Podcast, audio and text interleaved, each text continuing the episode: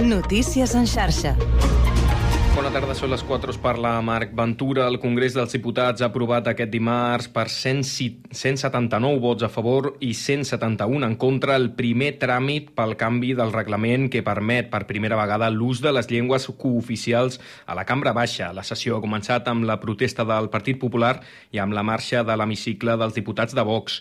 Per eh, fer possible la mesura, el Congrés ha hagut de comprar uns 400 auriculars i contractar una dotzena de traductors. Per altra banda, la portaveu Isabel Rodríguez no ha volgut respondre a l'afirmació d'aquest matí per part del líder d'Esquerra Republicana, Oriol Junqueras, dient que l'amnistia ja està pactada amb el PSOE des de l'agost. S'ha limitat a assegurar que el president del govern sempre garantirà el compliment de la Constitució. Este es un gobierno y su presidente que ha protegido la Constitución y su aplicación en todo el territorio eh, de España durante eh, los últimos cinco años. Creo que no hay mayor tranquilidad que esa, que es el aval de los hechos y del trabajo eh, realizado. Així com en el Congrés, avui, com cada dimarts, també hi ha hagut reunió al Consell Executiu, on el govern ha lamentat que encara no s'hagi provat l'ús del català a Europa i ha acusat el govern espanyol de fer la feina tard i malament. Amposta presenta una nova temporada de teatre infantil mitjançant la xarxa Itarambana, una activitat que es celebra a l'Auditori de la Fila i que arribarà també als alumnes dels centres educatius de la ciutat. Manel Ramon, Amposta Ràdio. La xarxa Amposta inicia una nova temporada de teatre familiar amb set propostes, una més que l'any passat, entre el setembre del 2023 i l'abril del 2024. Són obres carregades de missatge que ajuden a seguir construint una societat més diversa i cohesionada. El cicle de teatre familiar presenta un total de set obres. La primera tindrà lloc aquest cap de setmana 23 de setembre i serà Mare de la companyia romancera. Com en la temporada anterior, el grup Xarxa Amposta oferirà també diferents obres teatrals als centres de primària de la ciutat. Així ho explicava la representant de la xarxa, Ana Palacios. Ja, igual que la temporada anterior, eh, també estem presents als, als centres educatius. Ens ocupem de, de programar el que seria el teatre a les escoles unes obres que tenen lloc a l'Auditori de la Unió Filarmònica i que recordem, una d'elles, la maleta, serà gratuïta amb el passaport d'un auta. I Badalona es reunirà la setmana vinent amb el Departament de Costes per la constant pèrdua de sorra a les platges i la construcció de tres dipòsits pluvials. Berta Soler, Radio Ciutat de Badalona. La pèrdua de sorra que deixa algunes platges cada cop més estretes afecta en especial a les de Cristall i de la Barca Maria. A banda, i com dèiem, un altre dels objectius és construir dipòsits pluvials. A la ciutat hi ha només un, que evitarien, entre d'altres coses, que l'aigua bruta es desbordi de les canalitzacions quan plou i contamini el mar. Sònia Egea, regidora de Medi Ambient, n'ha parlat al programa Badalona Matí. S'està treballant amb un contracte per mirar d'aconseguir eh, tots els fons eh, a nivell europeu doncs, que es puguin. Independentment de les subvencions que puguem aconseguir a Europa, si no és així, eh, nosaltres el que farem és pagar-ho en pressupost eh, municipal. Nosaltres tenim una reunió ara amb el cap de demarcació de, de costes eh, per la setmana que ve, en la qual doncs, li plantejarem el problema de la pèrdua de sorra, sobretot a Barca Maria. No? A banda, la regidora ha dit que l'Ajuntament treballa ja en la contractació de dos serveis de pelicans i repetir amb el dron submarí per recollir els sòlids surants la propera temporada de bany. Nova ruta intercontinental a l'aeroport del, Plat, del Prat. L'Ebel ha anunciat aquest dimarts que obrirà una nova ruta entre Barcelona i Miami a partir del 31 de març, coincidint amb l'inici de la temporada d'estiu a les aerolínies. Això és tot. Fins aquí les notícies en xarxa. Notícies en xarxa. 4 i 4 minuts. Comença el Connectats.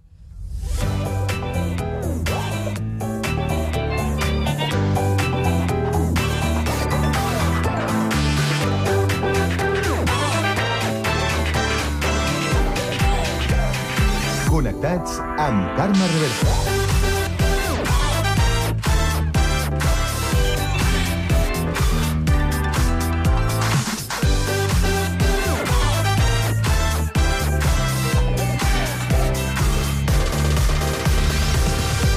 Molt bona tarda, salutacions i benvinguts un dia més al magazín de tarda de la xarxa, el Connectats, de l'àrea metropolitana de Barcelona, que fem Ràdio Sant Cugat, Ràdio Sabadell, la Ràdio Municipal de Terrassa, el Prat Ràdio, Ràdio Ciutat de Badalona i Ràdio Castellà. Una salutació de tot l'equip conduït a la part tècnica per Oriol Coromina, Jessica Rius a la producció i de qui us parla, Carme Reverte.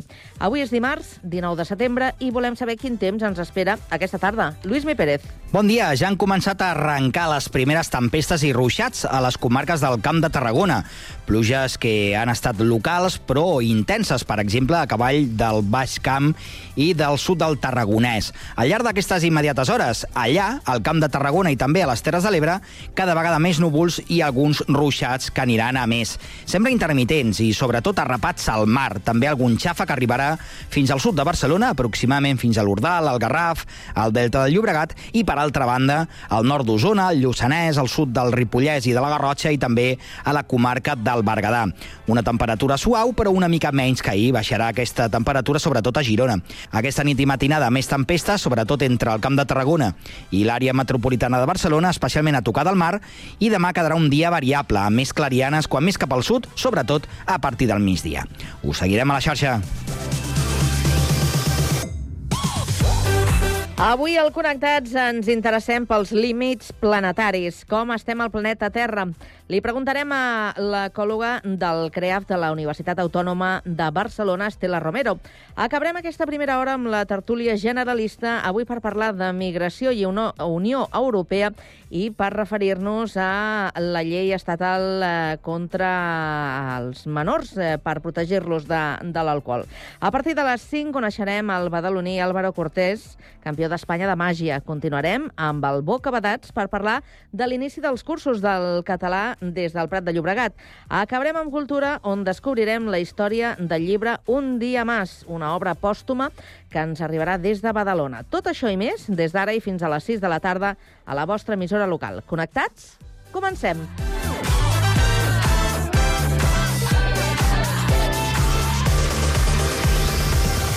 Connectats amb Carme Reverte.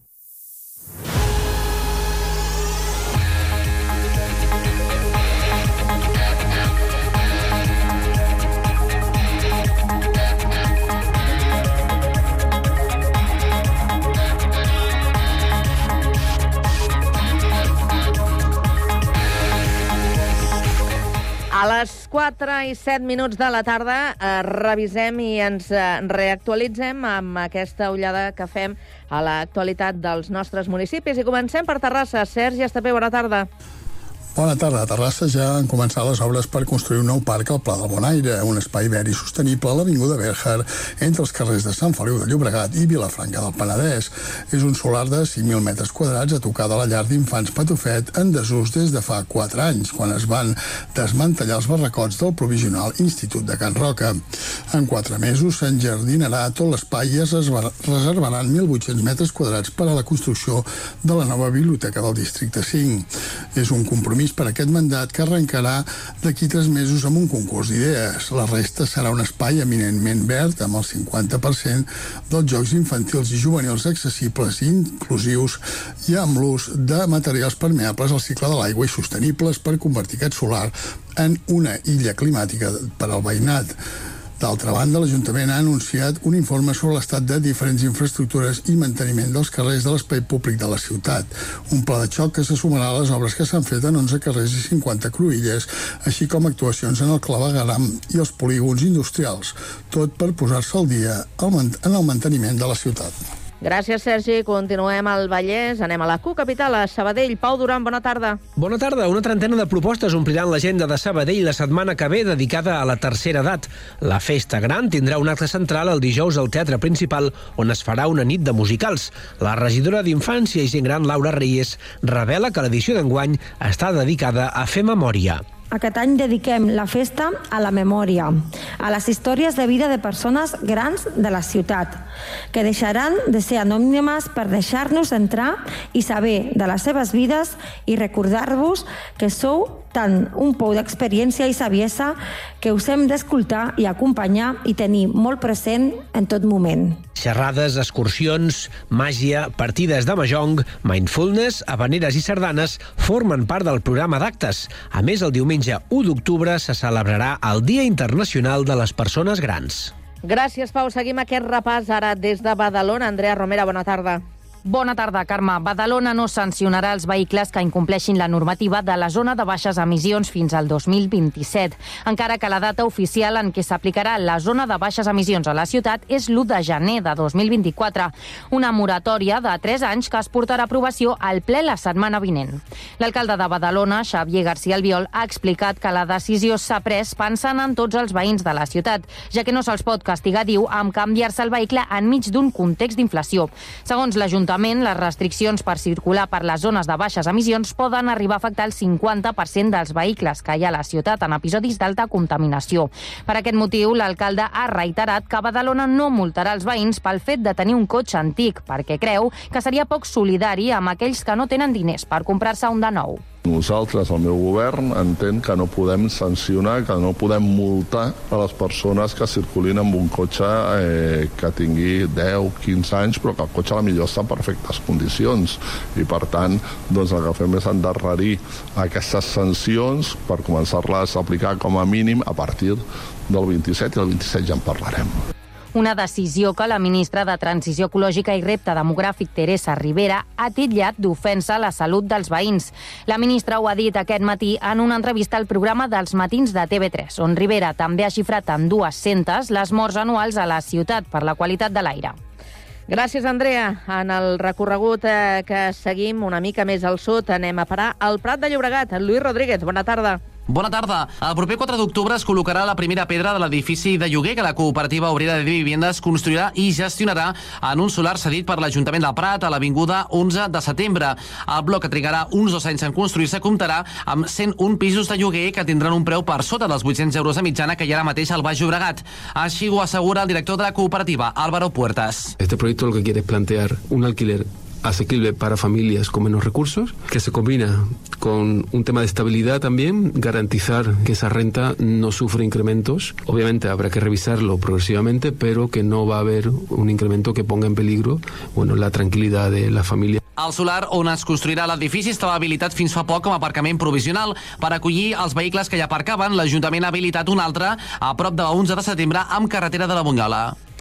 Gràcies, eh, Lluís. I de retorn al Vallès, ara ens quedem a Castellà. Guillem Plans l'obra social benèfica fa una crida per aconseguir patrocinadors per l'equip de residència que presentarà Castellà a les primeres Resi Olimpiades del Vallès, que es faran el 6 d'octubre a Sant Antoni de Vilamajor, al Vallès Oriental, amb la participació de 15 residències de les dues comarques. La residència demana prop de 1.300 euros per cobrir un pressupost que inclouria el desplaçament i també els àpats de tota la comitiva. I des de Sant Cugat ens fem ressò del toc d'atenció de la síndica de Greuges de la ciutat a la manca de resposta de l'Ajuntament. La síndica, Helena López Macho, ha presentat el seu informe anual en el qual alerta d'una administració que triga a les seves respostes o fins i tot ni respon. Ens amplia aquesta informació Ana González. La síndica de Greuges de Sant Cugat, Helena López Macho, posa el focus en la manca de resposta per part de les administracions locals a les queixes dels veïns. Segons el seu informe anual, que ha presentat aquest dilluns davant el plenari, aquesta és una de les principals preocupacions que li ha fet arribar la ciutadania, així com el retard en la resposta, una pràctica que la mateixa sindicatura ha patit i davant la qual la seva responsable adverteix que cal una resposta expressa i dins els terminis. Durant el 2022, la Sindicatura de Greuges de Sant Cugat ha efectuat un total de 326 actuacions, de les quals 216 són queixes i 110 assessoraments. Elena López Macho és la síndica de Greuges de Sant Cugat. Independentment de l'àmbit al qual correspon la queixa, el motiu principal que expressa la ciutadania és la manca de resposta per part de l'administració, com ja ens ha dit l'alcalde. L'administració és lenta, el ciutadà ha de complir escrupulosament els terminis establerts per poder continuar amb el tràmit administratiu. però l'administració en moltes ocasions no respecta els terminis. Aquesta manca demora de resposta també la pateix la sindicatura. Una visió compartida pels grups municipals i per l'equip de govern que ha rebut l'informe amb el compromís de donar resposta i desencallar els temes pendents, ha dit l'alcalde Josep Maria Vallès, així com fomentar una administració més àgil.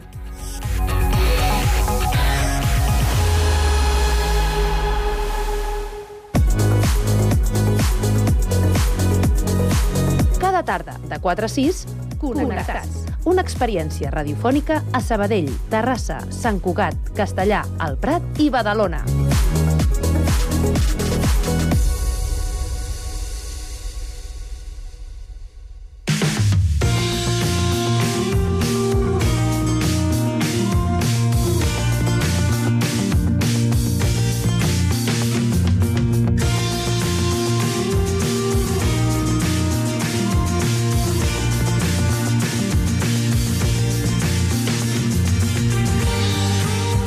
Avui ens volem centrar en els límits planetaris. I és que, d'una banda, escoltem que el forat de la capa d'ozó s'està tancant, i això és una bona notícia. Però de l'altra, ens diuen que cada any s'avança més el dia en què hem esgotat els recursos del, del planeta disponibles per tot l'any.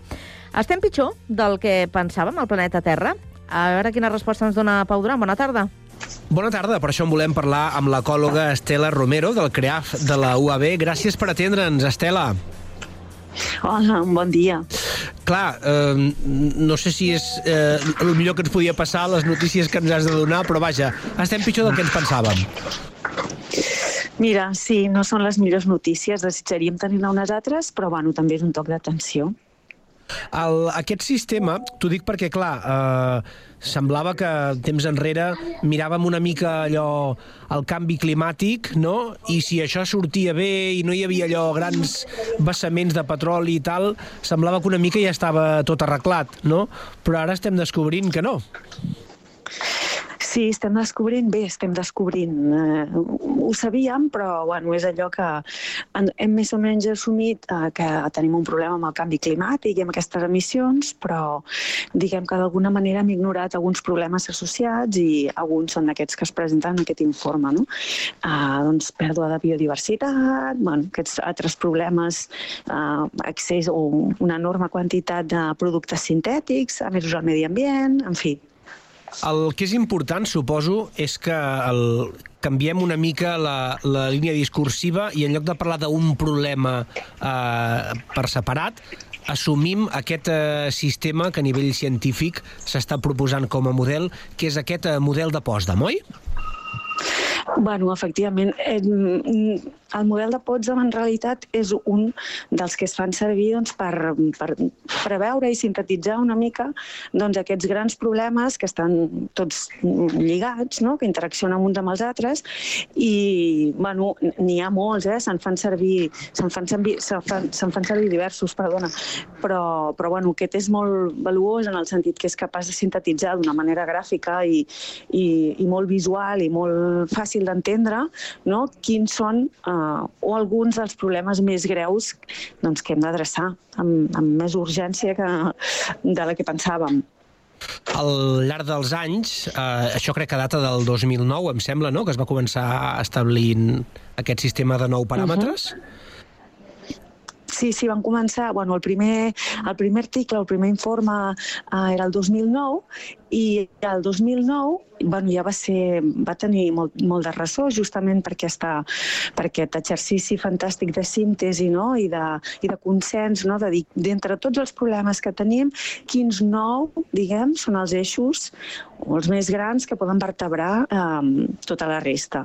I llavors això va ser un consens important, una manera de veure-ho important, i en aquell moment es van detectar que d'aquests nou, eh, tres no? ja estaven en una situació complicada i després s'han anat, bueno, s'han fet revisions d'aquests nou eixos, diguem, d'aquests llindars, i el 2015 va sortir un altre informe que ja ens deia que anaven afinant, no? perquè al principi hi ha molta incertesa, bueno, sempre n'hi ha, però clar, costa molt, eh, es va definint, hi ha molta més feina, hi ha molts grups que hi treballen a sobre, i llavors anem doncs, limitant aquesta incertesa i sabent cada cop més. I el 2015 se'n van veure que n'havíem traspassat un mes, quatre d'aquests nou, i ara se n'ha fet la revisió i en comptes de, de millorar el que hem vist és que avancem amb una trajectòria sí, molt, molt negativa, perquè n'hem creuat sis d'aquests nou. I, i tenim dos que també estan, bueno, que, no, que considerem que no estan creuats, no estan en un espai de tant risc, però que en canvi bueno, hi ha encara moltes incògnites i és possible que amb avançar una mica més en els estudis veiem que tenen una situació més dramàtica del que ens pensem ara. O sigui que és situació d'alarma general, diem. Per llistar-ho una mica, aquells que ens escolteu i us feu la idea, el 2009 es parlava de que s'estaven sobrepassant els límits del canvi climàtic, la biodiversitat o la integritat de la biosfera i el cicle uh -huh. del mhm. nitrogen. El 2015 uh -huh. s'hi mhm. va afegir la deforestació, els usos del sol i ara darrerament uh mhm. -huh. parlàvem del cicle de l'aigua i els productes químics sintètics. Per tant, les tres àrees que encara no hauríem sobrepassat i que esperem que no ho arribem sí. a fer seria la capa d'ozó, les partícules a l'atmosfera i l'acidificació dels oceans, correcte? Mhm, -huh. Sí, correcte. Mhm. -huh. el, tu fas el, el cas concret, Estela, el seguiment del que són la, els cicles del fòsfor i del nitrogen. Què t'ha de preocupar, això? Sí, són potser així descrits, no?, amb un terme així tan general. Cicles biogeoquímics potser són una mica més desconeguts, diguem, pel gran públic, o menys intuitius que quan diem pèrdua de biodiversitat, per exemple, que tots tenim una idea més clara, però són molt importants perquè penseu que el cicle... Ui, sí, perdó, el nitrogen i el fòsfor són d'aquells elements eh, necessaris per la vida, no? Són alguns dels més abundants en els organismes i els necessitem nosaltres per viure i els necessiten les plantes per créixer. Per tant, de fet, la producció d'aliments mundial eh, en depèn no, d'aquests cicles. I el que ha passat és que el, el nitrogen, que ja sabem des del primer, des del primer estudi del 2009 que ja estava en situació de risc, és un cas particular perquè el nitrogen mm, doncs el segle passat bueno, un enorme reservori a l'atmosfera de nitrogen gas, que és un nitrogen inert, i abans bueno, no sabíem com convertir-lo en, en nitrogen reactiu. No?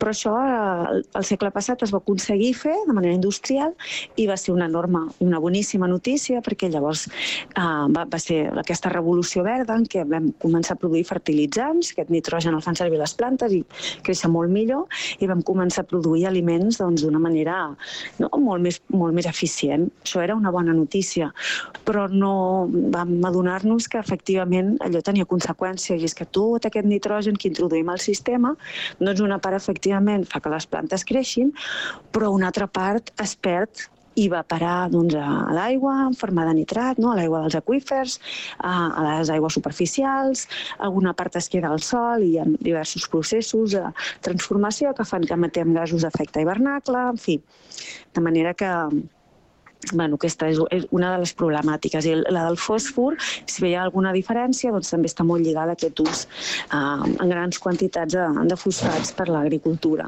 Són una de les entrades més grans. Per tant, Estela, és un problema d'accessos tant de, del nitrogen com dels fosfats. Sí, sí, absolutament. Bueno, en, en el nitrogen, de fet, es diu, es diu molt que és com uh, molt, o ens hem passat no, d'una cosa molt bona, no? Era fantàstic, però com que no, no ho hem fet, diguem, amb, amb mesura, doncs hem, hem, hem, hem fet entrar moltíssim i ara tenim la conseqüència de que hi ha un enorme accés, no? I diries, però si ja ho sabem, no? Hem deixat de fer-ho? No, no hem deixat de fer-ho. Continuem sobreafegint i, i per tant introduint encara més i més quantitats d'aquests nitrogen als ecosistemes en general. I el fòsfor té aquest punt que efectivament n'hem introduït moltíssim, però té també una problemàtica associada que té a veure amb el fet que el fòsfor sí que és un recurs finit, perquè el fòsfor s'extreu de mines, és un recurs minable, diguem, i, i no hi ha a tot arreu, només hi ha en, en uns indrets molt concrets. De fet, una, la majoria de les reserves del món estan concentrades al Marroc. Per tant, no en podem gastar d'aquesta manera, no? perquè això generarà, de fet, els càlculs de les reserves um, bueno, són també una mica incerts, alguns diuen que en 50 anys és possible que s'esgotin, alguns altres uh, una mica més un termini diferent, però té una, un problema geopolític associat important, no? perquè al final del fòsfor, eh, el fòsfor el necessitem perquè creixin les plantes. Per tant, en fi, o sigui que té, n'hem gastat molt, diguem, però a la vegada també, eh, si ens passem, no? és possible que ens quedem, bueno, que en necessitem i ja no, no en tinguem. Perquè aquesta situació que dius del cicle dels nutrients, Estela, eh, mhm. parlaves de la geopolítica, no, no mhm. deu ser igual a tots els continents? És a dir, per variar som els europeus els que estem eh, acabant de, de, de, de fer gran el problema? Doncs mira, a Europa anem, um, bueno, a Europa i en general als països occidentals, els països més rics, anem sobrefertilitzats sense problema amb nitrogen i, i particularment amb fòsfor, per exemple. I però clar, ara hi ha molts altres països no?, que en fan servir moltíssimes quantitats, com nosaltres hem fet. El nitrogen, no, diguem, l'accés, una enorme part de l'accés que afegim es perd en gran part a, la, a les aigües superficials i subterrànies, en canvi el fòsfor té la particularitat que una, una bona part es queda al sol. I llavors la, la bona notícia d'entre aquests és que, per exemple, els països que hem sobrefertilitzat durant molt de temps, eh, tenim un, un reservori molt gran de fòsfor al sol. I això fa que, per exemple, molts països europeus ara no n'afegeixin gaire de fòsfor, o gens, perdoneu, i, en canvi, eh, els cultius siguin sent, els, els conreus siguin sent molt eficients perquè poden viure no, d'aquest fòsfor, diguem, antic que encara es conserva al sol. Però, clar, els països, els països emergents o aquelles economies que ara estan en creixement i que tenen menys poder adquisitiu, um, bueno, no, o bé no en fertilitzen gaire en fòsfor o, o, o gens, i clar, els preus pugen, no? de manera que serà, bueno, serà, els, els serà encara més complicat accedir-hi.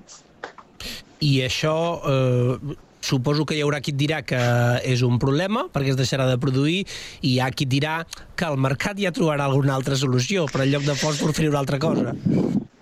Clar, bueno, sí, hi ha aquest optimisme tecnològic, no? Això és una mica... Mm, hi ha moltes... Com que hi ha aquesta problemàtica amb el fòsfor, doncs ja us podeu imaginar, hi ha moltes, molts estudis per recuperar no? doncs el, el fòsfor, per exemple. Els humans, nosaltres emetem molt de fòsfor també, no? Um, eh, um, um, I, per tant, a les, a les aigües residuals de les ciutats, per exemple, n'hi ha molt de fòsfor. Um, doncs hi ha molts estudis que intenten recuperar aquest fòsfor dels fangs, no? de les depuradores, per exemple.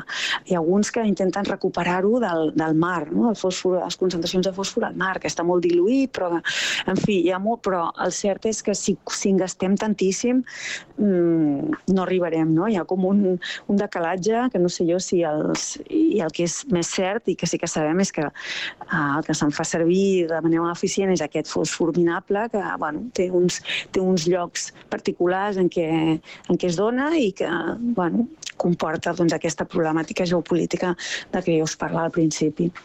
Fes-nos una mica de por ara, Estel, a veure, el, el, el, aquest accés, aquesta situació que s'està descontrolant tan abusivament, a què ens pot portar? Doncs mira, sabem, per exemple, que quan... Eh, T'he fet una mica cinc cèntims abans, no? Tenim molts, eh, molts problemes, per exemple, al sol, no? Quan tenim excés de, de nitrogen i de fòsfor, doncs tenim canvis en els microorganismes, canvis en les comunitats vegetals que hi viuen i, i per exemple, doncs això, eh, emissions de gasos d'efecte hivernacle. Per exemple, d'òxids de nitrogen, que són més potents eh, que el CO2. Quan, eh, vale? quan, a, quan a retenció de, de calor. Tenim també acidificació. Als sols es pot donar acidificació també per accés a aquests compostos. Um, quan passen, si passen a les aigües, els nitrats, per exemple, que és una de les maneres mm, més ràpides de perdre's, perquè són molt solubles, si passen a les aigües superficials, bueno, uh, en molts casos som capaços de de tractar-les no? amb tecnologia i, i, i reduint la concentració, però en els aquífers, per exemple, això és molt complicat i tenen temps no, de, de recàrrega molt llargs i bueno, no, és, no és fàcil accedir a aquestes aigües, a netejar-les i tornar-les a pujar no, a, a l'aqüífer. I, per, i, però els nitrats, per exemple, amb concentracions eh, elevades donen problemes a la salut humana, donen, donen càncer, per exemple. També en generen molts problemes pels organismes que hi viuen, els organismes aquàtics.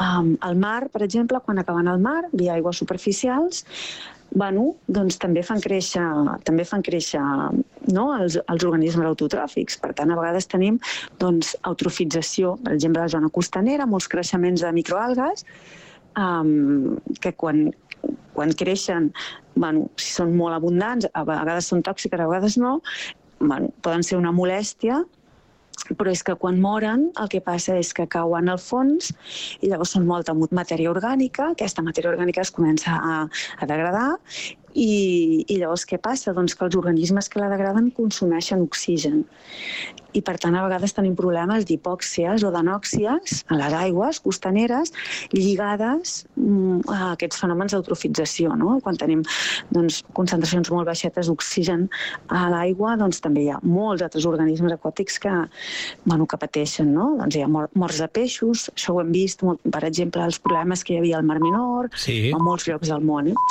I sí que hi ha tota una sèrie de, bueno, tota una sèrie de conseqüències greus que de fet coneixem, sabem bé, però no hem estat capaços de, de tallar no, a temps. En molts casos a Europa hi ha molt control, hi ha normatives europees per la, les qualitats de les aigües i que no passem certes concentracions.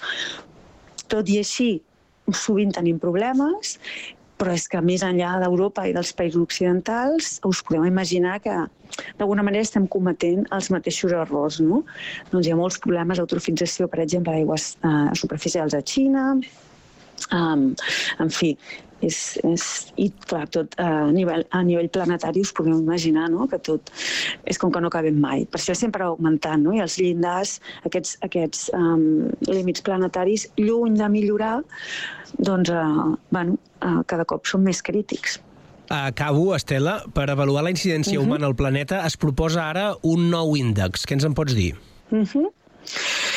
Mira, um, qualsevol iniciativa d'aquestes em sembla bé, si és, fins al punt que sigui fàcil i, i, i comprensible per tothom i, i que ens ajudi una mica a empènyer aquest moviment de canvi, perquè es porta moltes dècades no? diguem, avisant i alertant i els governs i la societat i costa molt canviar aquestes trajectòries i sovint es diu no? que si no les canviem nosaltres progressivament la natura ens les farà canviar d'una manera molt dràstica. I, bueno, doncs confiem que tots aquests missatges serveixin per, bueno, perquè la canviem més, més suaument del que, del que, ens, del que ens, ens, ens agradaria o perdó, del que, del que ens tocaria si, si no fem res. Estela Romero, ecòloga del CREAF de la Universitat Autònoma de Barcelona. Gràcies per atendre la trucada del Connectats. Vinga, doncs moltes gràcies a vosaltres.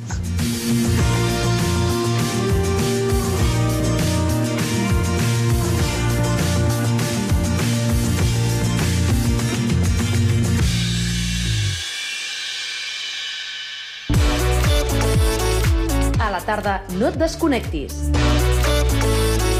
Connectats.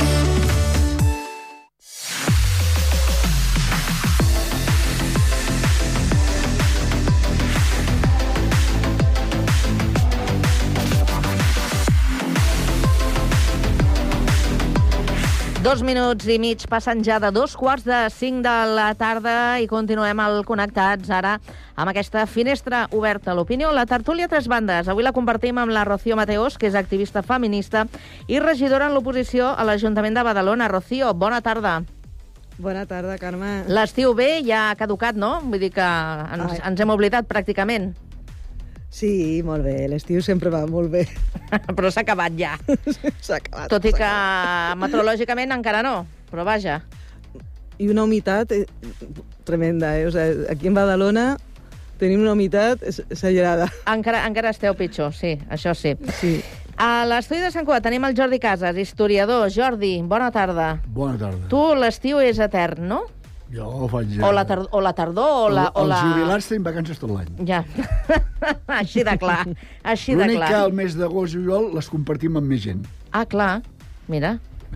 Així no esteu, no esteu avorrits. Evident. Uh, qui m'imagino que ja no està de vacances és el Rubén Ramiro, que és estudiant de Ciències Socials i el tenim a Sabadell. Rubén, bona tarda. Bona tarda, correcte. De fet, avui m'he incorporat a la feina. Vaja, eh? Quina puntualitat, eh? Puntualitat, eh, no sé si suïssa, britànica o catalana, però vaja, que no, no es pot faltar a, a la cita.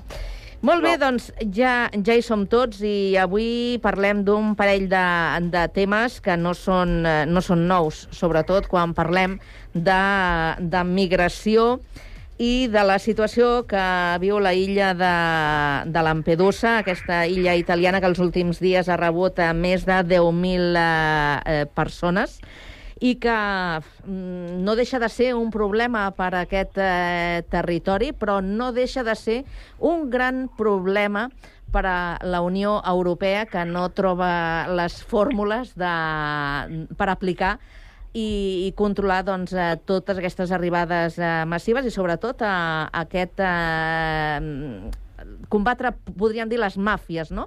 que són les encarregades de fer negoci amb aquesta mi misèria amb, amb les vides d'aquestes persones que, que, que volen prosperar i que volen eh, millorar la seva, la seva situació.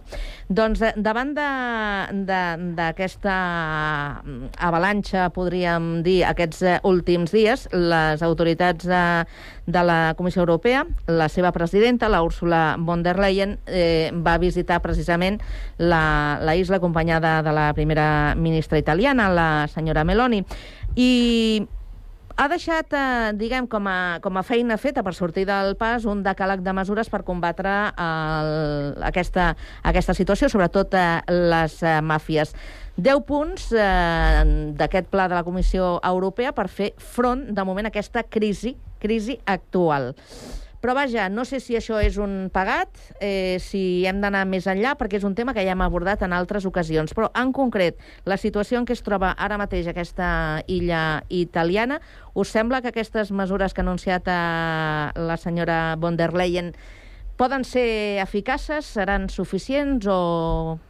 Bueno, eh, a veure, jo, jo, jo me les he mirat i pel que veig hi ha diversos tipus. Hi ha una, unes quantes que van dirigides a un major control eh, de l'entrada de, de, de, d'immigrants, que inclou eh, que es compleixi l'acord arribat amb Túnez, no? amb Tunísia i tal i qual. N'hi ha una altra que parla d'alleugerir els mecanismes legals per donar l'asil polític. El que passa és, esclar, tots sabem que eh, de la, la gent que arriba a Europa és una minoria el que es pot acollir, l'asil polític, o dit en altres paraules. La immensa majoria que el demanen no se li concedeix. I després m'ha semblat entendre que deia que es crearien, deia, eh, és que el, el, el llenguatge de la Unió Europea, passadissos i mecanismes legals, deien, saps? Corredors segurs. Sí. Corredors segurs i tal, Corredors. per la eh, eh, legalització, no? No, no, per la- per l'entrada de gent legalment. Però que això és una, una, un, un cercle viciós, no? Perquè si legalment només pots entrar... Que, Amb un contracte. Eh, no, no, no sé, passadissos segurs i tal, no sé què vol dir.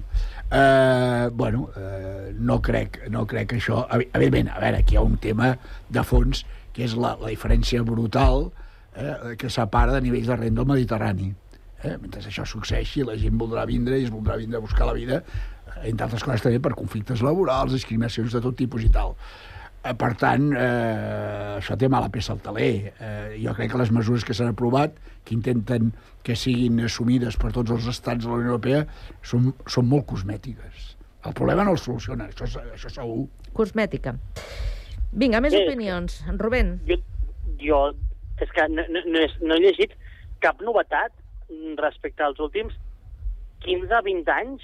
Sempre es diuen, es diuen mateix um, i al final um, no, no, no, no es fa res o, o, o això que diu eh, eh, no, no, que, és, que és, és maquillatge, sí, molt bonic, es fan aquestes rodes de premsa, però el, el, aquesta, aquestes polítiques no, afect, no afecten a la realitat de les persones uh, que migren. Um, I al final és, són pedaços uh, uh, per no modificar una realitat que és el que provoca aquesta, aquesta migració. És a dir, durant 200 anys, um, sobretot a Europa, ha saquejat tot el que ha volgut el continent africà, l'ha empobrit, i, i ara les conseqüències d'aquest enriquiment no les volem pagar. Doncs, doncs clar, no és, no és gens just.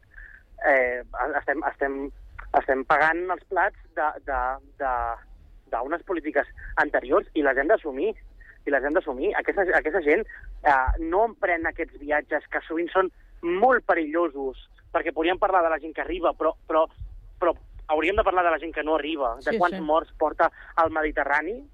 Una, una persona um, que, que, que, que que s'enfronta a aquests perills no ho fa per, per, per, com, per la renda, ho fa per, per, per la vida, perquè, perquè necessita fugir d'un d'un món on no pot viure. Llavors, mentre no solucionem el problema endèmic de, del continent africà, que és la pobresa, ja podem anar fent pedaços uh, per tot arreu, que, que seguirem tenint uh, aquest mal anomenat conflicte migratori um, tota la vida. Mm. Com ho veus tu, Rocío? Pues mira, ahora cuando le escuchaba a Rubén, eh, el otro día estábamos hablando así con mis hijos y yo le, le comentaba, digo, es que tenemos el cementerio invisible más grande en el Mediterráneo, ¿no? Ujú. Cuando eh, hablábamos de las personas que pierden la vida ahí. Eh, a ver, mira, eh, una de las cosas que, que también he visto, ¿no? Son que se iban a dar unos 105 millones de euros eh, para conseguir, para, para ayudas, ¿no? Pero claro, estábamos hablando de las mafias. Cuando una persona tiene que salir de donde está porque no tiene calidad de vida ninguna, porque busca un futuro, eh, estas mafias ya lo hacen tan súper bien para que tú te atrevas a cruzar ese Mediterráneo, ponerte en, ese peligro de, muerte, para que tú llegues a algo que te han explicado que es la panacea, bueno, que vas a, a conseguir todo lo que no tienes, donde estás, que el riesgo es que se arriesgan, se arri- se arriesgan simplemente por eso, porque no tienen nada en sus países, no tienen nada, entonces tienen que salir a buscar una mejor calidad de vida. Muchos arriesgan su vida para poder luego mandar dinero ¿no? a sus familias y es así, ¿no? O sea, es que es esa situación y lo que llevamos escuchando hace muchos años, porque esto se escucha desde siempre, que es la cooperación entre países, la solidaridad y el reparto equitativo, ¿no? En- Dentro de las responsabilidades entre los Estados miembros. O sea, esto lo llevamos escuchando infinidad de veces, pero luego la realidad o sea, cuando pase un mes de todo esto, ¿no? De estos 10 puntos que la Unión Europea pretende que sean efectivos, cuando pasen dos meses, tres meses, medio año, es que vamos a estar otra vez igual. Porque no hay forma de controlar verdaderamente esta situación. Porque no, donde se puede ejercer un control, paralelamente está el descontrol, ¿no? Que son las mafias. Entonces es muy, muy, muy difícil llevar esto a término. Y luego, ¿qué personas realmente, si lo miramos fríamente, qué personas pueden llegar con un contrato, con una seguridad a ningún sitio fuera de su país? ¿Qué, personas, qué cifra, qué cantidad de cifra podemos tener controlada? Yo cuando lo miro fríamente es que me da miedo y es que Hmm. me da miedo porque no tenemos espacio suficiente para recoger y, y con, una calidad de vida ¿eh? para estas personas, para darle al menos en los primeros Sí. meses porque no tienen nada. Entonces no, te- no podemos recogerlas con una verdadera calidad de vida. Pero ¿qué hacemos? ¿Qué hacemos con estos seres humanos? ¿Qué hacemos con estas personas? Sí, sí, i el problema és quan passa com ara, no? que arriben en, en avalanxa i que desborden. Totalment, Segurament que heu totalment. vist les imatges dels centres d'acollida que es Sí. garrifen, perquè Sí. més que un centre d'acollida eh, sembla allò una, una, una presó. Los campos de concentración. Exacte. Sí, però... Bueno, és que podríem parlar d'aquests camps de, de, per persones migrades i refugiats, les condicions que es donen, um, que són lamentables i a més són volgudes, perquè uh, moltes ONGs es queixen constantment de que no les deixen uh, treballar dins els, dins dels campaments um, perquè no els interessa uh, realment uh, ajudar aquesta gent, sinó uh, o sigui, allò es fa per donar la imatge a la resta del món de que de que això és el que passarà si venen aquí, però és que aquella gent diu, bueno, és que... o sigui, si veient aquelles imatges, tot, tot i així, decideixen venir, és que, és que el que viuen allà eh, eh, ha de ser, ha de ser l'infern a la Terra. Però, però al final és que el, el, la realitat és que mm, si, si totes aquestes polítiques no serveixen per res.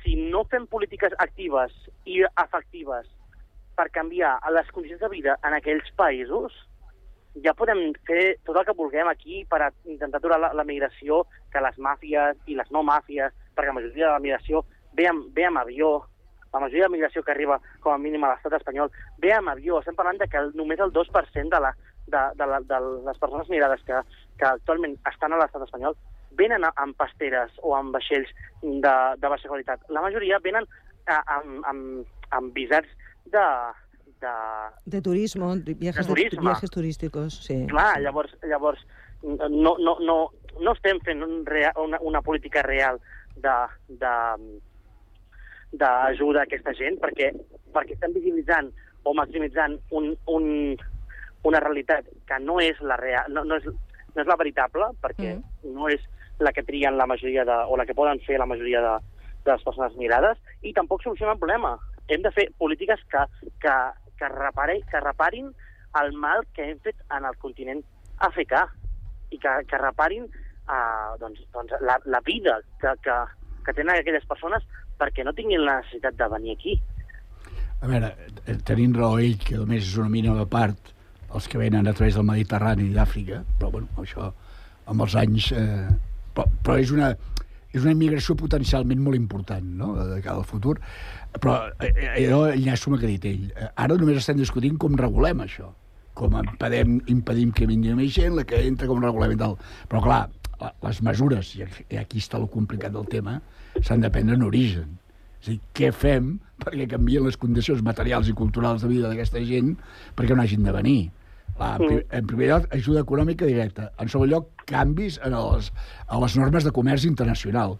I després ja en el tercer lloc, com evitem que els sàtrapes i les oligarquies o dictadures militars directament que controlen aquests països eh, No es fan amb les ajudes. no fan amb les ajudes, bueno, i fan unes polítiques sí. eh, destinades a millorar les condicions de vida de la gent.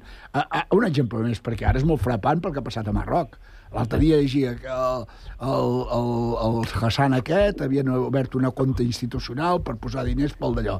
I un senyor comentava, escolti, abans de posar diners a aquesta compte, home, el senyor que, que té un, un- es veu que té un patrimoni escandalós, el Hassan, que es mesura per bilions de dòlars, algo escandalós, a part té 12 o 13 palaus, 14 o 15 cotxes de luxe, 5 o 6 avions...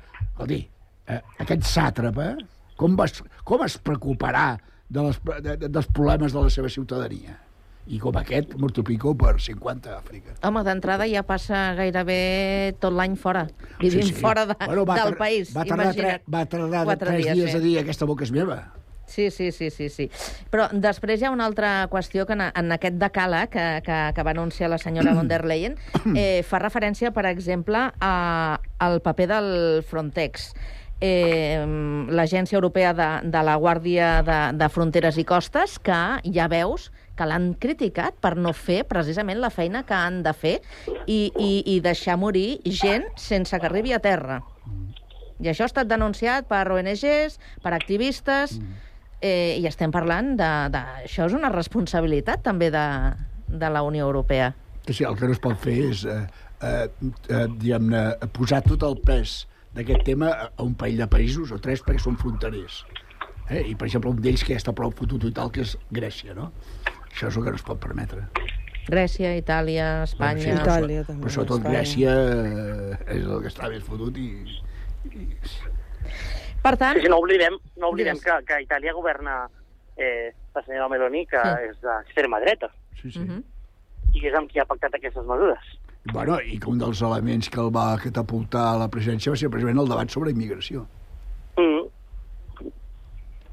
Doncs ara, ara reclamant la- l'atenció i l'ajuda de la Unió Europea. Molt bé, doncs anem a una altra situació, a una altra situació, un altre debat, que aquest també és un debat de, de, de fa anys i panys, mm. que és el tema de, de l'alcohol, dels menors, dels límits, de les lleis, de les prohibicions, i és que eh, Espanya continua sense una llei des de ja fa uns quants anys eh, per protegir precisament a, als menors. La dada, la veritat és que és bastant esgarrifosa i només eh, caldria fer una mica de memòria amb alguna imatge, eh, sobretot caps de setmana, en les diferents ciutats, digue-li com vulguis, a les nostres pròpies ciutats, veure joves amb les seves bosses, amb les seves ampolles, anar a fer el, el botellot a, a, habitual. Doncs eh, la dada que esgarrifa és que els menors comencen a veure als 14 anys. I tot això, l'edat va baixant, eh? Però és que després, el, el, diguem que el consum ja una mica eh, més eh, habitual eh, és als 15. O sigui, estem en una, en una edat que encara s'estan formant, s'estan fent, i, i això, bueno, tothom ho té claríssim que és eh, perjudicial. Eh, com veieu aquesta, aquesta situació? Perquè de les mesures que se n'ha parlat, de controlar la venda, que ja sabeu que és prohibida a menors de, de 18 anys, de, no sé, hi ha alguna manera de fer-ho possible, a banda amb educació? Que comenci el jove. És que, A veure, el jove, Rubén. és que el canvi només pot ser cultural. És a dir, l'alcohol a, a, a l'estat espanyol i a, les, i a les cultures mediterrànies és totalment cultural. Um, per tant, si no fem un canvi cultural com a societat, ja pots regular tot el que vulguis. Ja està prohibida la, la venda d'alcohol a menors Mm. i els menors continuen tenint accés al, a l'alcohol. I, i parlant, passa el mateix amb la pornografia o amb el tabac. Llavors, és, és, és, eh, aqu- aquesta, o sigui, a, a mi m'agradaria que, que, que la, la, les, les, les expressions culturals, diguem-ne, són com l'aigua. Sempre troben la manera de sortir. Sempre troben el forat. Llavors, regular i sobreregular coses que no pots controlar eh, és, és gastar energies tontament i, a més, um, generar frustració, perquè tu pots aprovar ara una llei superfantàstica i d'aquí un any o dos fer una avaluació d'aquesta llei, que no es fa ni per això no, no passa, i veuràs que no ha tingut cap mena d'implicació en la realitat de, del jovent. Per tant, si no es fa una inversió en educació um, per, per fer aquest canvi eh, cultural, eh, i també en, en grans, eh, perquè al final um, som tots exemples per les generacions que venen, i si els grans seguim fent um, no, celebracions, adults, no? celebracions amb el nostre cava, amb el nostre vi... Clar, correcte, Clar. correcte. Jo, jo Però estem parlant també d'uns interessos que són els de la pròpia indústria, el sector de, del vi, el cava... Per suposat. Eh, bueno, som un país productor. Clar. Jo he notat, ja he notat que avui el tema anava d'això perquè no m'has posat el vaset de whisky que normalment tens preparat. Mira, com a molt et posaries, si vols, una no cantimplora amb aigua. No, anem- no anem bé. No, anem bé. no, això és broma, eh? No, de totes maneres, eh, jo pel que m'has passat i llegit, sembla ser que fa temps que s'està intentant, que fa uns anys hi havia un esborrany que s'estava discutint amb el sector afectat, no? com es fa amb tota llei en principi i tal, i a mi m'ha semblat intuir del que he llegit que si no va tirar endavant era precisament per l'oposició o la, la pressió dels sectors afectats. Eh? Productors, distribuïdors, venedors, eh? Mm, em dóna la impressió que... Perquè va quedar encallat aquí, no?, en el procés aquest de consulta en els sectors afectats. És el que deia ell, no? Aquí la cultura és de veure i a més són productors sobretot de vi, no? I, i, Vi i cava. i és xungo. Jo una, acabo amb una anècdota. L'empresa que treballava, una gran empresa, tenia un menjador laboral, al qual no es podia vendre alcohol. Ni consumir. Vendre i consumir, eh? Mira que des de la, des de la direcció europea ens deien, escolta, heu de treure això tal qual. No ho van aconseguir-ho mai. Fins que jo vaig jubilar-me es venia no només cervesa i vi, sinó també eh, hi havia eh, alcohol de, de, dur, no? I, Sí. Eh, noi, som un país de bebedors, tu. Mm. Rocío. Mm, bueno, yo quería comentar que, bueno, los que somos mayores, los que somos más jóvenes, ya sabemos, ¿no? La cultura mediterránea en todo es, es consumo de alcohol, las fiestas, todo. Si no consumes alcohol, incluso si tú dices yo no bebo alcohol, ya te miran diferente. ¿Cómo que es no, no, be- no brindas? ¿Cómo que no consumes alcohol, no? Y la fuerza de las empresas de destelería, eso es ya es eso ya mm, es la fuerza que tienen y que no van a parar por mucho que digamos. Pero es preocupante porque si os acordáis, antiguamente le daban a los niños el vino quina con la yema de huevo. Sí, Ay, qué señora. bueno, qué bueno estaba. Eh, claro, o sea, eh, eh, eh, es que era ya, vamos, es que tenías seis meses y ya te estaban dando el vino. Allò la era huevo. vitaminar-nos.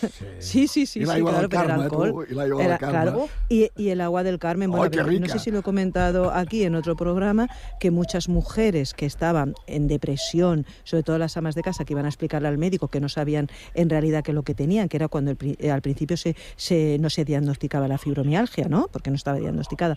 Y las mujeres iban a las consultas del médico y les decían, es que tengo algo, pero no sé exactamente qué es lo que tengo.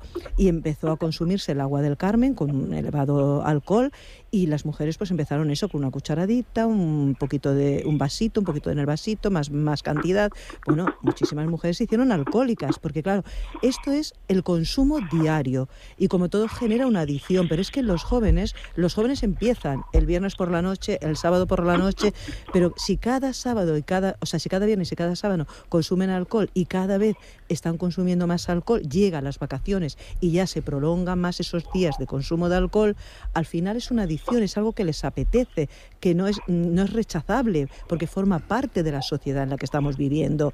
Al final, eso es muy, muy perjudicial, más de lo que los jóvenes se pueden pensar que eso conlleva, ¿no? E- El estar cada viernes y cada sábado con una elevada cantidad de alcohol en nuestro cuerpo, ¿no? Y, por mucho que la ley se haya hecho la ley de cero alcohol eh, a la hora de conducir, a ver, no porque tenga dos, porque tenga 0,4, porque tenga, o sea, si no le quita, le resta puntos, o ya, bueno, porque te beba un poquito, no, es concienciarse. Si yo cojo un vehículo, ah, no puedo consumir absolutamente nada, nada, nada de alcohol porque me privará de mis reflejos, por poco que consuma. O sea, es, es la educación y la formación que uno tenga. Pero yo creo, fijaros, eh, hice, leyendo, hice un, no sé, así como un parón y pensé, es que los que trabajan en, en la hostelería también tendrán que estar formados. Porque ¿cómo se le puede vender alcohol a un menor? ¿Y, y, y por qué lo, lo consumen? Porque lo venden. És que no, no al cal final que, entra- Rocío, no cal que sigui un menor el que vagi a comprar directament. No, no, sí, sabem menos, com, claro. com, com passa Esto tot això. uno de 18 y lo pasa al resto. O sea, claro, es, no sé, tendríamos que tener como una formación más amplia del daño que hace el alcohol en nuestro organismo, ¿no? Y sobre todo cuanto más temprana edad se consuma, cuanto más temprana edad se consuma. Rubén. Però, però eh, estem parlant de que aquesta gent, per exemple, a, els hi va el sou. O sigui, de no vendre'ls alcohol a menors o a sí, els hi pot anar el sou.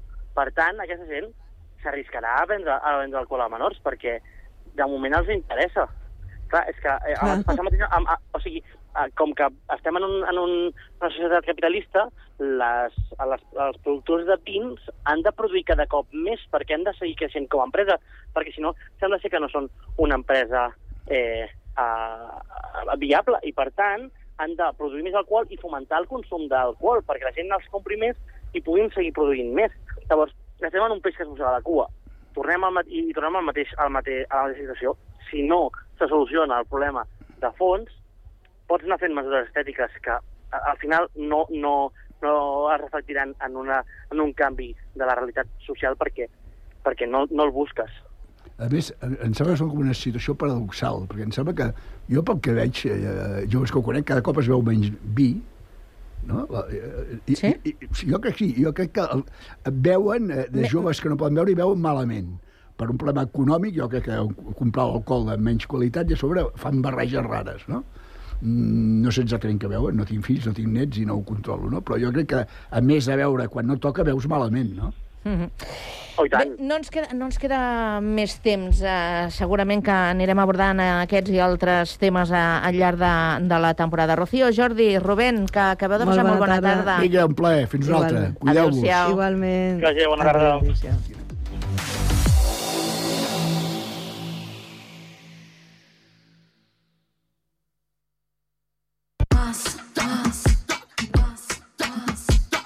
Pide por esa boquita, viajar, disfrutar de un verano mejor, vamos, grita. Que lo que se da no se quita. Tot el que li demanes a l'estiu, demana-li al nostre assessor i aconsegueix fins a 500 euros en un cupó regal del Corte Inglés i molt més. Consulten les condicions. Viatges al Corte Inglés. Sant Cugat, Braseria La Bolera, el restaurant braseria situat al vell mig de la ciutat. Més de 20 anys oferint la més alta qualitat en tots els seus productes, en amanides, carns, verdures, Braseria La Bolera. Amplis menjadors per a celebracions familiars, batejos, comunions, casaments, Braseria La Bolera. Els que ja la coneixen sempre hi tornen. Baixada de l'Alba 20, al costat del monestir. Telèfon 93 674 1675. Nosaltres. Nosaltres som feliços. Nosaltres som així. Nosaltres, un programa de ràdio mensual amb el grup Catalònia Fundació Creativa, que treballa amb persones amb discapacitat intel·lectual o trastorn de conducta. Avui som la Maria José, el Miguel, l'Edu, la Núria, l'Irra, el David, l'Antonio, l'Artur, l'Emma, l'Àngel i el Guillem, jo mateix. Jo vaig començar amb el teatre d'aficionats. I vaig començar a fer molts càstings, molts càstings, i vaig començar a dedicar-me a la moda. Jo volia ser tenista i, i vaig aconseguir ser tenista professional. Jo em vaig donar compte que m'agradava molt la natació sincronitzada perquè m'agradava molt l'aigua. Vaig començar bastant tard a, a fer música i vam crear la banda d'Arnau Giso. Nosaltres, cada mes, a Ràdio Sant Cugat, Cugat Mèdia. Nosaltres. Cada mes, els alumnes dels instituts Leonardo da Vinci, el Centre de Formació d'Adults i el Col·legi Pureza de Maria expliquen l'actualitat dels seus centres a Ràdio Sant Cugat. Els alumnes de primer d'ESO van fer una excursió el 18 d'octubre a un jaciment arqueològic. Doncs jo vull parlar sobre la inauguració del Punt Lila i el Punt Rainbow. També ens fan recomanacions. I el que m'agrada molt d'aquest llibre és que eh, a les pàgines es poden veure els correus. Ens diuen què els agrada. A mi m'agrada el Nadal en fred. Parlaré del que m'agrada que va sobre el meu esplai. I ens posen al dia amb la música que escolten. Jo he escollit eh, La gent d'estimo, que és de Oques Grasses. Quan somrius és Joan Tausà. No dudaria, Rosario. Els instituts Sant Cugatencs a Cugat Mèdia. Els dijous a les 10 a Ràdio Sant Cugat i en podcast a cugat.cat i a Ull Crític.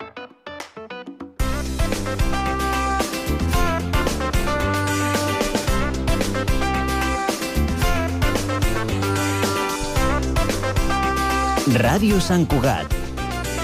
www.cugat.cat